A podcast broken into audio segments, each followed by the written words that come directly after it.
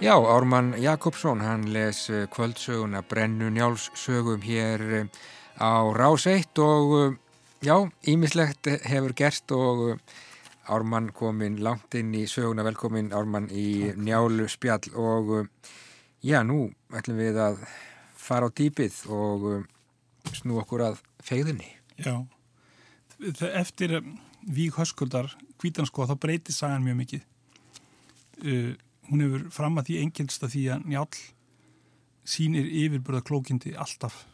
Hann veit alltaf hvað að gera hefur alltaf ráðandi hverju rifi og er alltaf að vinna í þáu þess að allt gangi sem best fyrir sjálfan hann og vini hans. En, en uh, eftir Vík Höskundar þá í raun og veru er svolítið evi um hvort hann sé í raun og veru viljið lifa. Og það, þá gerir hann ímis afglöp að að verðist og tekur ekki réttar ákvarðanir. Þannig að það má velta fyrir sér villan lifa þegar svona langt er komið inn í, inn í, inn í söguna? Og það er náttúrulega vegna þess að höskuldur uppalega tekur hann höskuld í fóstur til þess að koma veg fyrir hemd og það er mjög snjall þessi höskuldar tælingans þegar hann kemur og heimsækir drengin fyrst lætur hann hann að fyrst þetta kann gera þetta í tveimur skrefum fyrst hann fær hann drengin frá mömmusunni til Ketils í mörg og svo kemur hann í heimsókn til Ketil sem er tengt að svona hans og þar fer hann að rappa við drengin og býður hann um að loku fórstur og þetta er eflaust fyrst og næst gert þess að koma vekk fyrir hann í álsynir vegi í sama knýrun eins og, og Gunnar hafi gert. Og higgjendil svo er eins og tilfinningin að taka völdin honum. Hann fer í raun og vera að að leggja meiri ást á höskuld en síni sína. Og það er nú reyndar enginni á njáli að ymsir aðrir er í meiri metum hjá honum en sínir hans. Það er nú fyrsta lagi Gunnar á hlýðaranda auðvitað. Og svo er það höskuldur og það er líka Þórhallur Áskrimsson fósturna sem hann kennir lög. Þannig að hann verður mest í lámaður Íslands að njáli gengnum.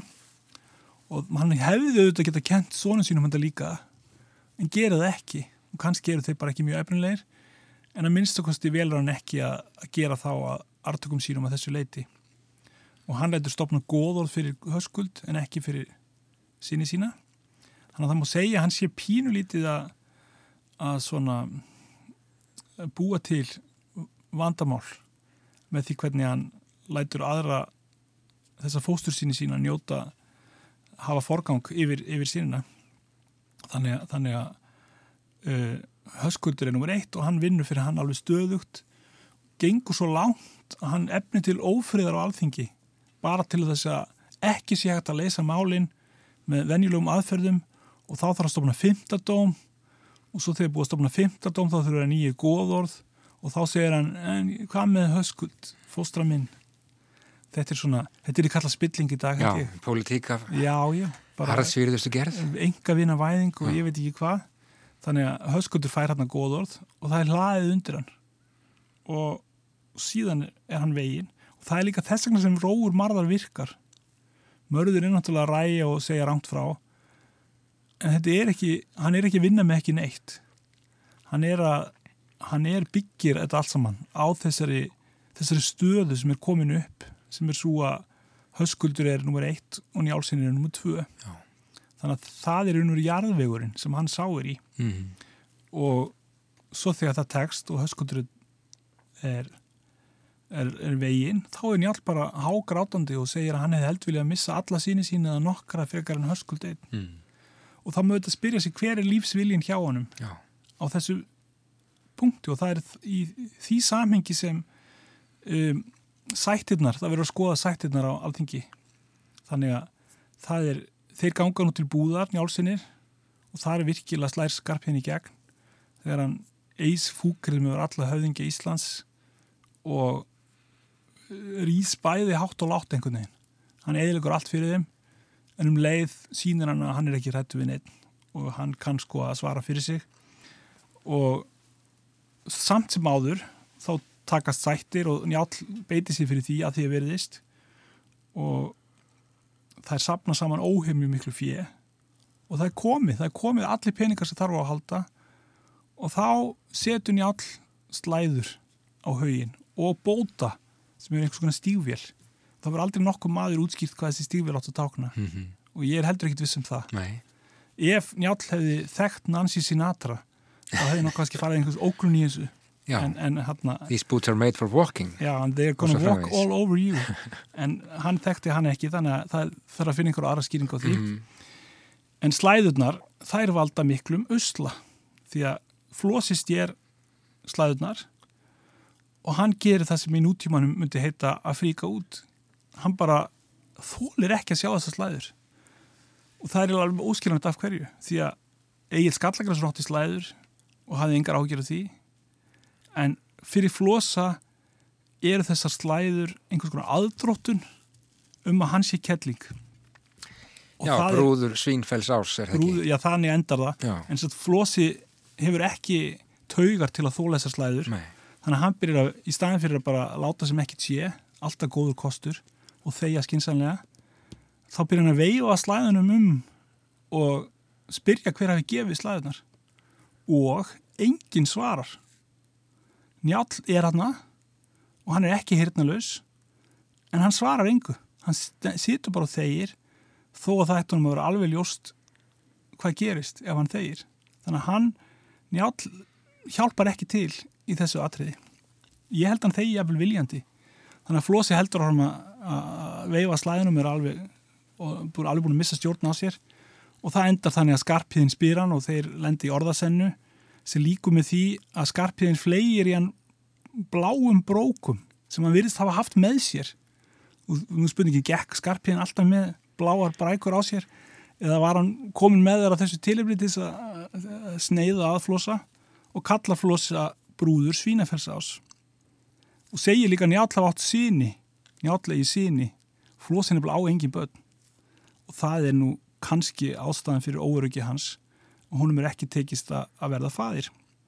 Þannig að skarpinn segir þú þarf þessa brækur og flosi segir af hverju? Þeir eru alltaf spurja þegar þeir hefðu betur þagað. Og þá segir hann þú ert brúður svínafells ás eins og sagt er. Þannig að hann segir það eru allir að tala um það að þú sért brúður svínafells ás nýjundu hverja nótt og gera hann því að konu, þetta er nú eins skýrt og það verður. Mm -hmm. og Flósi auðvitað vill engar sættir eftir þetta. Og þeir æða allir burt. Og, og þá gerist það sem ég finnst eiginlega að vera besta atriðin í álu að mörgum góðum. Atriðinu líkun er ekki með því allir æða burt heldur standa eftir Snorri Góði og Guðmundur Ríki og allir hínir höfingjarnir sem hafa ekkert málið að gera og horfa í forundran á þennan mikla bing og spyrja hvað er að gera núna?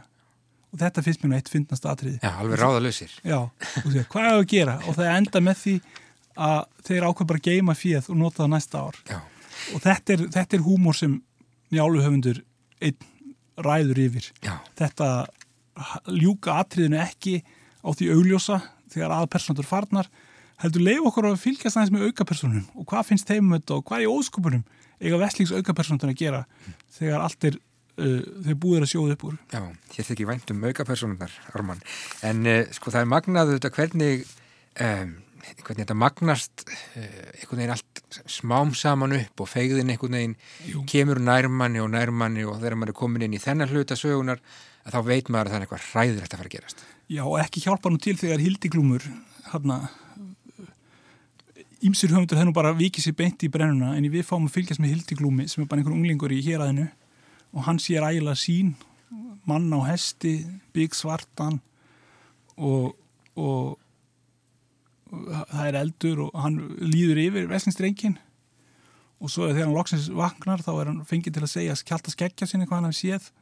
Og þá segir Hjalti Skeggjason þú hefur séð gandreið og það er það jafnar fyrir stórt tíðendum og þetta finnst mér líka nokkuð gott átriði vegna þess að þetta skýrir ekki neitt. Hann bara nefnir, hann segir þetta er gandreið en það er engin skýring í þessu.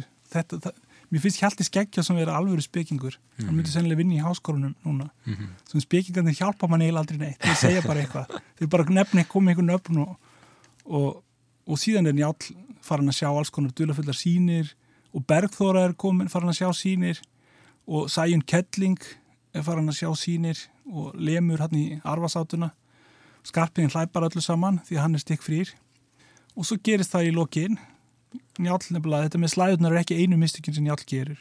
Í fyrsta lagi að gefa slæðunar og öðrulega þeia þegar spurt hver hafi gefið slæðunar heldur vill að núna lappa, ganga inn í húsið? Þannig að hann segir göngum öll inn í húsið því það er betra. Og allir vita það er ekki betra. Og, og þegar fólk fer eitthvað efast um þetta þá segir já þið hlýðið mér aldrei. Bara svona dæmi gerðu gammal pappi við þekkjum öll þess að þetta gömlu fóraldar sem byrja að segja þið hlustið aldrei á mig börnin þeir eru aldrei svolítið gamlir. Og skarpiðin er til í að ganga inn með honum að því það er kannski einhver fegð yfir honum líka.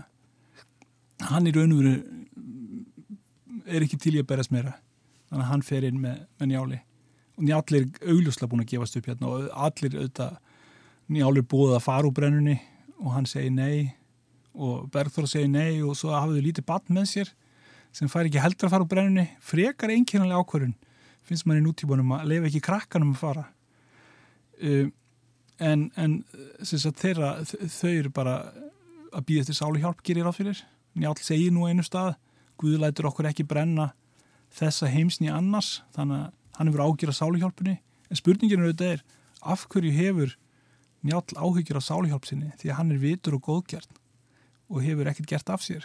Þannig að veit hann að einhverju sekt eða uh, trúir hann upp á sig einhverju sekt Já, sem, kannski, við vitum kannski ekki um. Nei, einmitt. Þannig að það er ekkit alltaf þannig að, að sektar kenn sér skiljanleg. Nei.